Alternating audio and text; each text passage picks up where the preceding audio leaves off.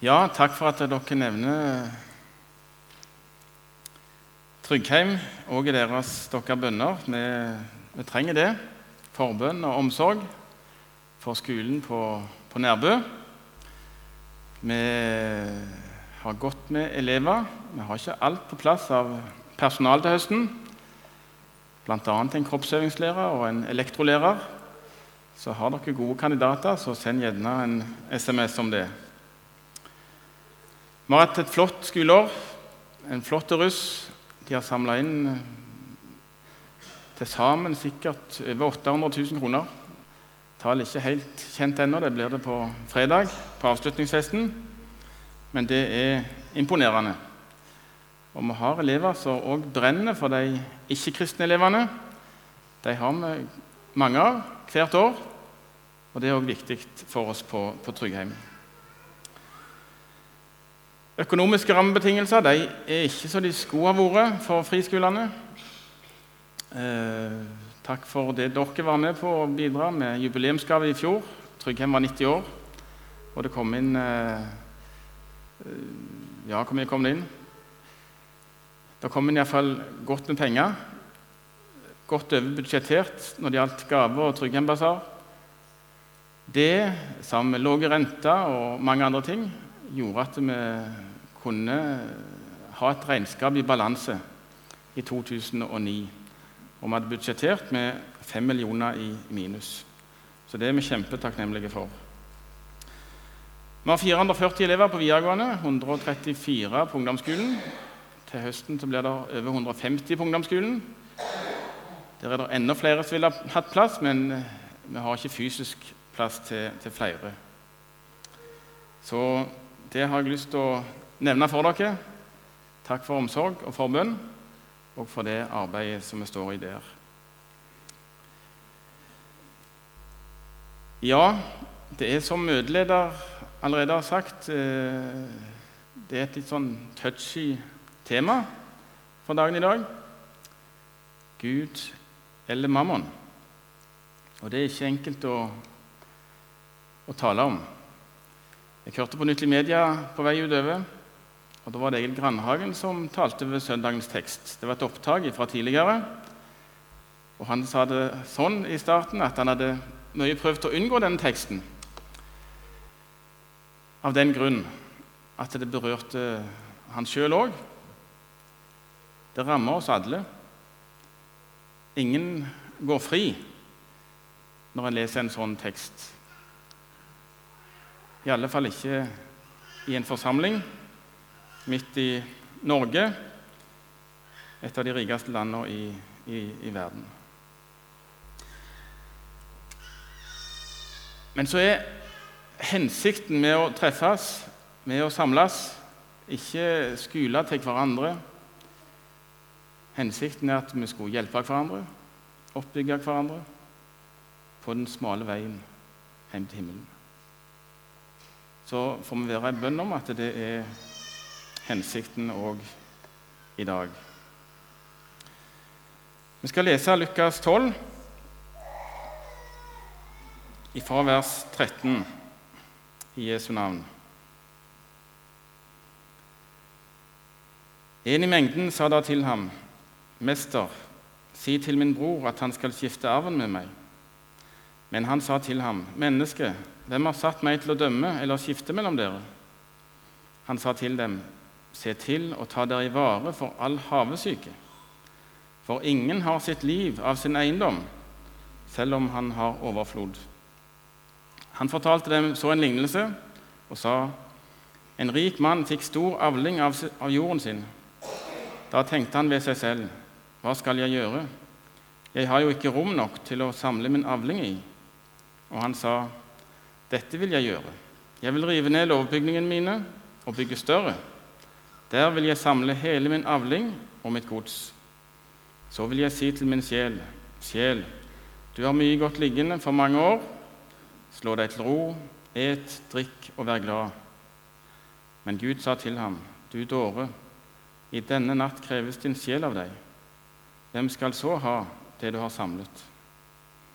Slik er det med den som samler seg skatter og ikke er rik i Gud.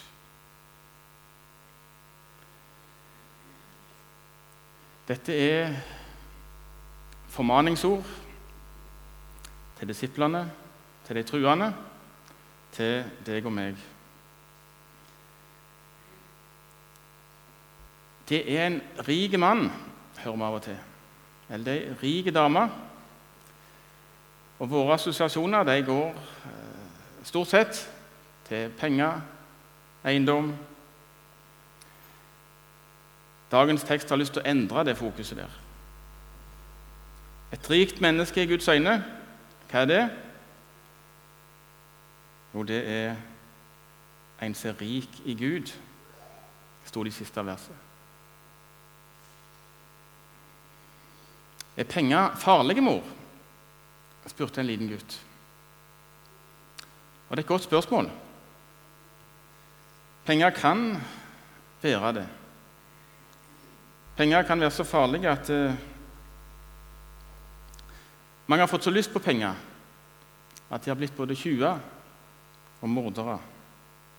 Og for mange en avgud. Vers 15 er gjerne hovedformaningen til meg og deg i dag. Se til å ta dere i vare for all havesyke. For ingen har livet sitt av eiendommen sin, selv om man har overflod. Havesyke, er det et fremmedord? Vil alle forstå hva havesyke er for noe? Det er veldig godt oversatt i Bibelen. Direkte oversett så er det 'ha mer'. På en måte 'ha mer'-syken. Det er enda bedre, men det er ikke noe norsk ord. Ta dere i vare for stadig å måtte ha mer, er det Jesus sier til oss her. For ingenting av det eier, kan sikre selve livet, ikke den rikeste. Dagene våre de kjenner Herren til. Det kommer ikke an på rikdom. Og Så fortelles lignelsen om den rike bonden. Han lider av mammon-livssynet, som her kalles ha mer-psyken. Dette er ikke lenger bare en parentes i livet hans, det med penger og rikdom. Det er blitt en del av hverdagen, det hjertet er fylt av, det han trøster seg til og setter sin lit til. Du har meg godt nå for mange år Slå deg til ro. Ed, drikk og vær glad. Slå deg til ro. Du har mange år før deg. Og Det en har sett litt på spissen, så det rammer oss gjerne ikke direkte. Men kanskje har vi et snev av dette vi òg innimellom. Tenker vi litt sånn. Jeg har, jeg har mye godt nå. Det er travelt om dagen, men det funker. Det er innbringende. Eneboligen eller leiligheten er på plass. Gjelda minker, formuen øker. Dette går veien. Og Så er det jo fint å være en kristen, men akkurat det får vente til, til søndag, eller kanskje neste søndag. Bonden drev sikkert et mønsterbruk. Det går ikke av seg sjøl å øke formuen så fort som det. Han fikk sikkert mye skryt. Mange beundrer han sikkert. En som fikk det til i livet. Treffer vi av og til sånne mennesker. Stolte, strutte av sjøltillit. Alt det jeg rører ved, blir til gull, ble sagt av en. Gud beundra ikke bonden. Men kristne kan utvide sin virksomhet, kan ikke det? Jo,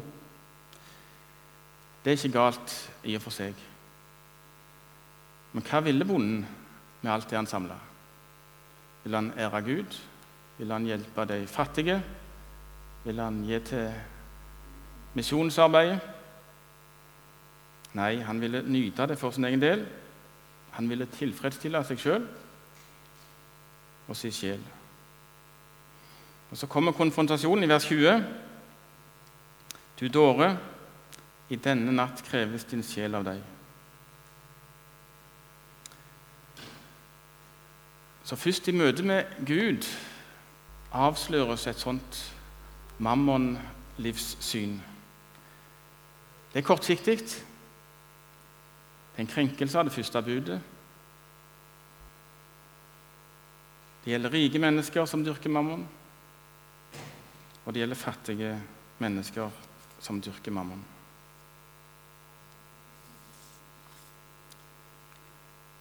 Vi har allerede hørt at mammon det er penger, rikdom, eiendom. Ingen kan tjene to herrer. Dere kan ikke tjene både Gud og mammon. Vi skal lese noen vers til.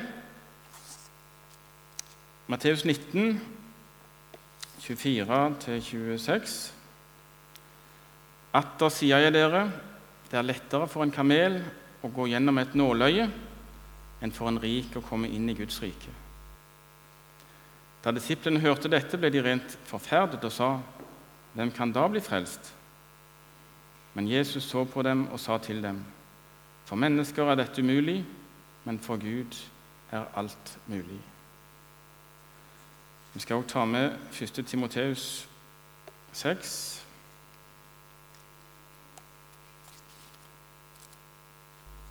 Ni til ti.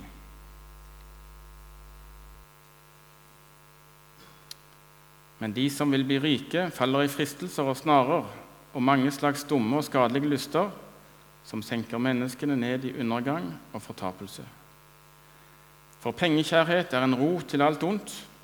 I sin lyst etter penger har noen faret vill fra troen og har gjennombåret seg selv med mange piner.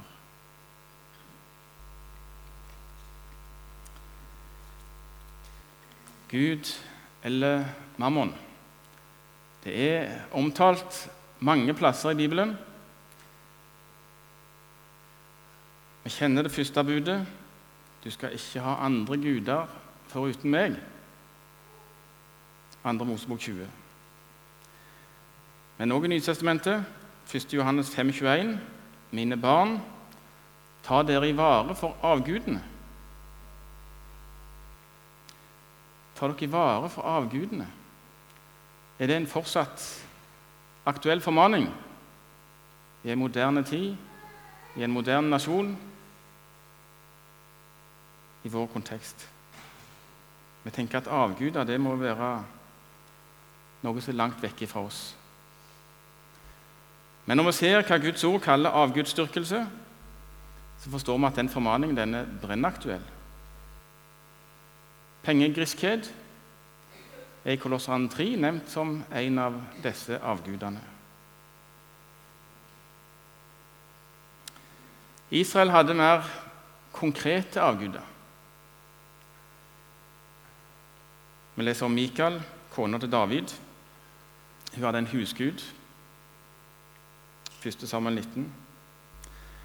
Laban kjenner vi gjerne bedre til. Bror til Rebekka, svigerfar til Jakob. Han hadde mange husguder. Og dattera til Laban, Rakel, hun lærte dessverre av faren sin. Så når oppbruddet kom, og Jakob skulle reise, så ville ikke Rakel reise uten husgudene. 1. Mosebok 31. Og Hvorfor var det sånn? Kona til Jakob tok med seg en husgud. Da tenker jeg at hun var besmitta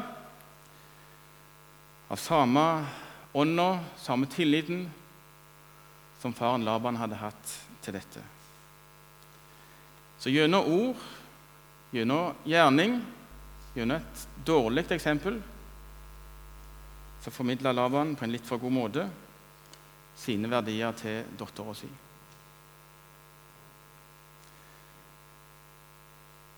Hva er det vi setter vår lit til i dag? Hva verdier formidler vi til ungene våre og hverandre? Hva inntrykk sitter de igjen med hjemmefra? Hva var viktig i høgtidene? Enda viktigere, hva var viktig i hverdagen vår? Hva stolte far og mor på? Hva var deres tilflukt når ting ble vanskelig? Når det var noe som sto på? Var det penger, makt, rikdom?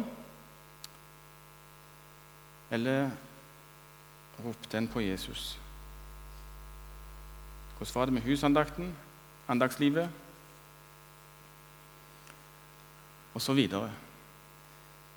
Det jeg tenker, det er at vi skal alle vite at enten vi vil det eller ikke Dag etter dag så formidler du og jeg verdier. Til ungene våre, til våre nærmeste, til vennene våre, til de vi omgås. Og hva formidler vi? Hva formidler du?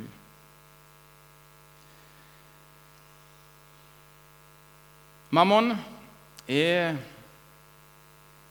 noe vi må forholde oss til. Hvordan skal vi forholde oss til det? Det står et fint vers i Lukas 16,9. Gjør dere venner ved den urettferdige mammon, for at de, når den svikter, kan ta imot dere i de evige boliger. Det er nesten et vers som du må analysere. Gjør dere venner, ikke med mammon, men ved den urettferdige mammon. For at de vennene, når den mammon svikter, kan ta imot dere i de evige boliger. Det tenker jeg er misjon. Enten vi er rike eller fattige, så skal vi bruke vårt jordiske gods til å vinne oss venner for de evige boligene. I misjonskassen der er det god rente for pengene.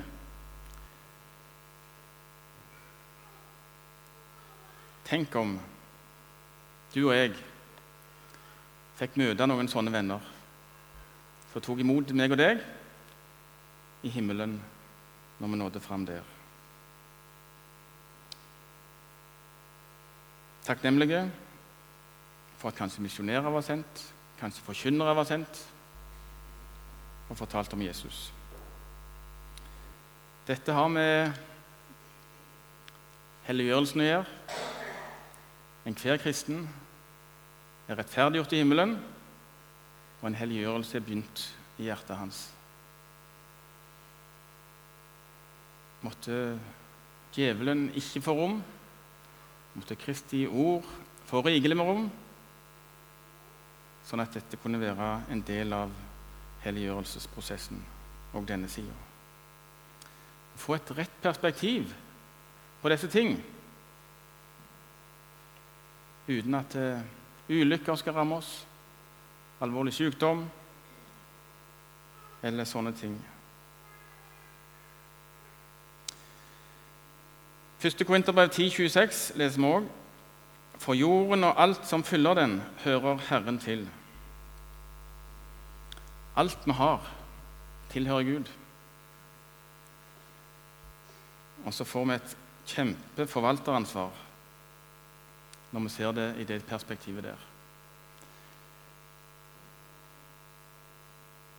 Gud og Bibelen taler tydelig om en ordna givertjeneste. Kanskje må vi nevne det òg når dette står på som tema. Ordna givertjeneste prega av frivillighet og velsignelse. Bibelen oppfordrer til raus givertjeneste. Å gi tienden ikke noe påbud, men for mange er det en kjempegod rettesnor. Hadde alle kristne gitt tiende, vil den økonomiske situasjonen for menigheter, misjonsorganisasjoner og ulike kristne tiltak vært helt annerledes, skriver Espen Ottesen.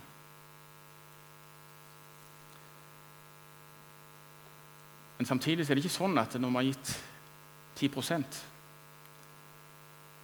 så er resten av pengene våre. Vi leste at alt hører Herren til. Noen mener at 10% er altfor lite. Det må den enkelte bli rolige framfor Gud med, men det er ofte en god rettesnor for mange. Men en kristen kan ikke tenke ut ifra dette at da har jeg frihet, og så leve et liv i sløsing, i luksus.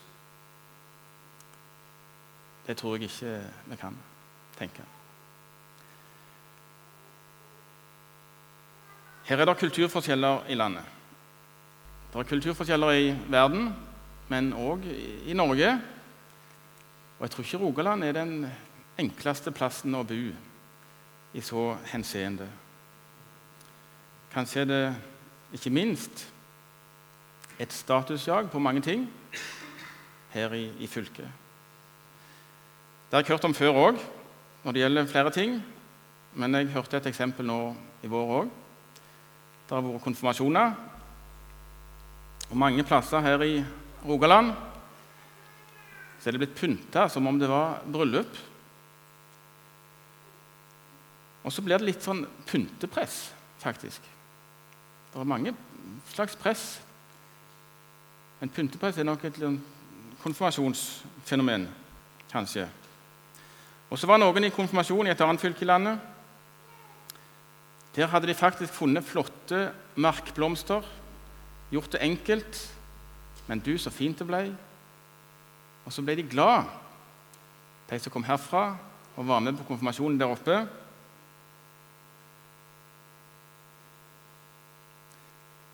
Da tenkte jeg at kanskje skulle vi av og til kappes om å undergå hverandre.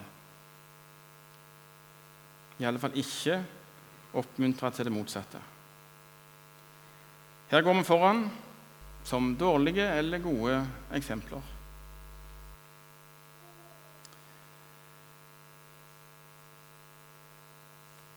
I forhold til mammon så må vi òg fram for Gud i bønn om ledelse. Men en god givertjeneste handler òg om at Gud må få makt over økonomien vår i hverdagen. Og andre Korinterbrev 9,7 for Gud elsker en glad giver. Raushet, frivillighet og velsignelse. Som ble sagt, vi var misjonærer i Elfenbenskysten fram til for 7,5 år siden. Og det er òg et privilegium å få bo i et annet land med en annen kultur, med et annet tankesett og med andre menneskelige verdier. Så det, det gir oss et perspektiv over mange sider av livet. Og Det hadde òg med å få forbruker- og velstandssamfunnet i Norge litt på avstand. Ha mer samfunnet. Jeg ble født ett år for tidlig til å gå allmenn på Tryggheim. Så jeg var russ for 25 år siden, rett borti hugget her på Kongsgård. Vi hadde jubileum forrige lørdag, og eh, da ble dette kommentert. Misjonær, det syntes de var litt overraskende. Om ikke det var noe som hørte gamle dager til. Det humanitære arbeidet det hadde de stor sans for. Men var det riktig å ha fokus på hva Gud en tilba? Om ikke det viktigste var å være et godt og ærlig menneske? Jeg har forståelse for et sånt spørsmål. Men jeg vet så altfor godt at ingen klarer å være et godt og ærlig menneske sånn som det burde. Matteus 22. Du skal elske Herren din Gud av hele ditt hjerte.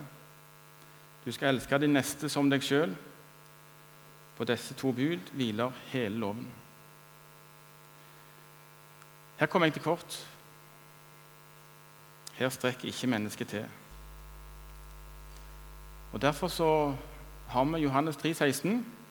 For så har Gud elska verden, at han ga sin sønn den enbårne, for at hver den som tror på ham, ikke skal fortapes, men ha evig liv. På det grunnlag er det tvingende nødvendig for oss som kjenner Herren, å forkynne evangeliet til alle folkeslag. Det er ennå noen no choice-folk som ennå ikke har hatt muligheten til å si ja eller nei til kallet. Evangeliet er ikke nådd i. Er det rettferdig? Nei. Fjerne kyster venter på hans lov. Vi hadde Jørn Helland på besøk på Tryggheim på torsdag på middag om kvelden. Og han gleder seg til å reise ut til Indonesia. Å snakke om forsagelse er det fokus på når vi reiser ut som misjonærer, men han så det ikke sånn. Han så at dette var en rikdom i hans liv. Å få lov å reise herfra og så reise ut til Indonesia. 2. Korinterbrev 5,15.: Og han døde for alle, for at de som lever, ikke lenger skal leve for seg selv, men for han som døde og oppsto for dem. Altså Gud eller mammon Det er mange vers i Bibelen som toucher det temaet. Og dette. Vi skal ikke lenger leve for oss sjøl, men for Han som døde og oppsto for dem. Det er ingen tvil om hva som er Guds vilje for ditt og mitt liv.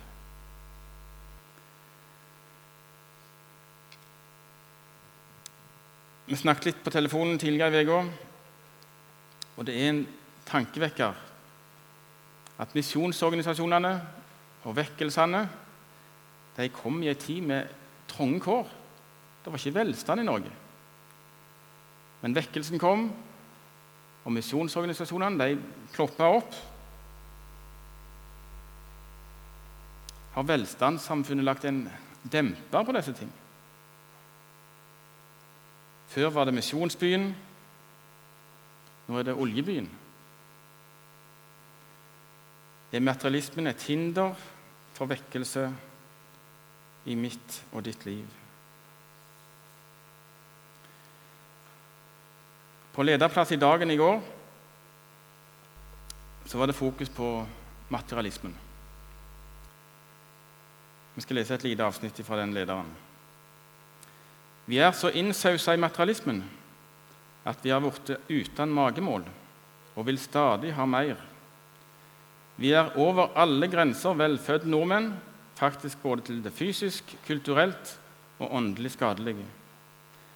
Vi har blitt skamløst kravstore og fråtser i stort, og vi omtaler som fattigdom og trang økonomi det som store deler av folket på jorda vil regne som helt uoppnåelig rikdom. Velfødde, rike nordmenn reiser til like velfødde, rike amerikanere for å få inspirasjon og rettleding med tanke på det kristne området, framfor å reise til fattige kristne i sør og øst til forfølgde og lidende kristne rundt om på kloden. Kristne som virkelig må leve i tru. Og Det er ikke det at det er galt å finne inspirasjon hos oss sjøl, heller ikke i Amerika. Men kanskje burde vi òg reise til fattige kristne i sør og øst. Til kristne som må leve i tru. De er forfulgt, de vil jeg tro har mye å lære oss. Vi går snart mot en avslutning her. Jeg fikk et bibelvers i Oslo, på Fjellhaug bibelskole. 2. Korinterbrev 10, 18. Det er ikke den som gir seg selv vitnesbyrd, som holder mål, men den som Herren gir vitnesbyrd. Det var heller ikke et like enkelt ord. Det var ransakende. For her står det at det er ikke du som gir deg sjøl vitnesbyrd, du som sjøl mener å være en god kristen, leve et godt kristent liv. Det er ikke du som holder mål.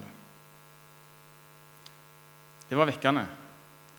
Spesielt i lys av at uh, vi mennesker er så opptatt av det ytre, hvordan det ser ut utenfra, fasaden, og så gir vi hverandre vitnesbyrd ut ifra det.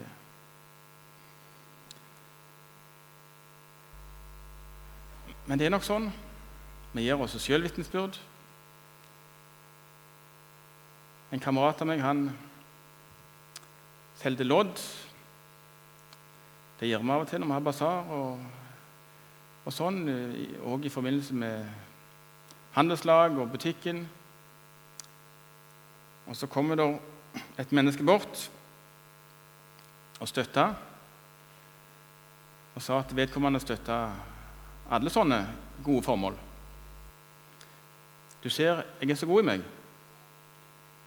Og det er klart, det, det tror jeg var ærlig meint. Og Sånn tror jeg faktisk vi kan ha parenteser i våre liv hvor vi tenker det om oss sjøl. At vi får det til. At vi lykkes som kristne og, og gir oss sjøl et vitnesbyrd at det, jo, det, det er vel med meg. Og Så står det her at det ikke er den som gir seg sjøl vitnesbyrd, som holder mål, men den som Herren gir vitnesbyrd. Og det er godt Tenk vi skal slippe kravet ved å lete etter ting hos oss sjøl og gi oss sjøl vitnesbyrd. Vi skal la Herren få gi vitnesbyrd. Og han vil gjerne gi vitnesbyrd. Og hva ser han etter når han gir vitnesbyrd til meg og deg? Ser han på givertjenesten? Ser han på hvor flittig du er i Salem, på bønnemøtet, i bibelgruppa. Det ser han nok òg til. Men det han gir vitnesbyrd ut ifra, det er ikke det ytre, sånn som vi mennesker tenker. Han ser til hjertet. Og han gir vitnesbyrd til hver den som klynger seg til Jesus som sin frelser, som har bruk for Jesus. Gud står de stolte imot, de som har noe å vise til. Det kjenner han ikke, men de ydmyke, de gir han nåde. står det i Jakob 4,6. Jeg har lyst til å si i en vanskelig tekst Gud er rik nok for alle som påkaller Han, og hver den som påkaller Herrens navn, skal bli frelst. Romerne 10, 12. Herren ønsker vi skal være rike, rike i Gud, samle oss og skatter i himmelen, søke Guds rike først og ha Jesus som eneste og virkelige rikdom. Og Veien til rikdom der går merkelig nok gjennom konkurs, det å kapitulere sjøl og så slippe Jesus inn som sin frelser. Det er Herrens velsignelse som gjør rik, og eget strev legger ikke noe til. Ordspråkene 10, 22. Kommer til å ta og takke for det. Himmelske Far, takk for uh, din frelse. Takk for at du gir vitnesbyrd til hver enkelt av oss som eh, klynger seg til deg. Takk for at vi skal få rope til deg om alle ting, og i forhold til vår velstand, materialismen som vi er nødt til å forholde oss til, og som omgås.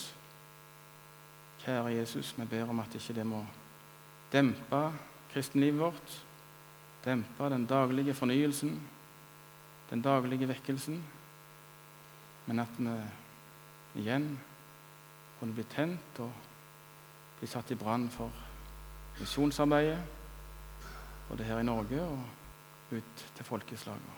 Det ber vi om. Velsigna hver og en av oss. I Jesu navn. Amen.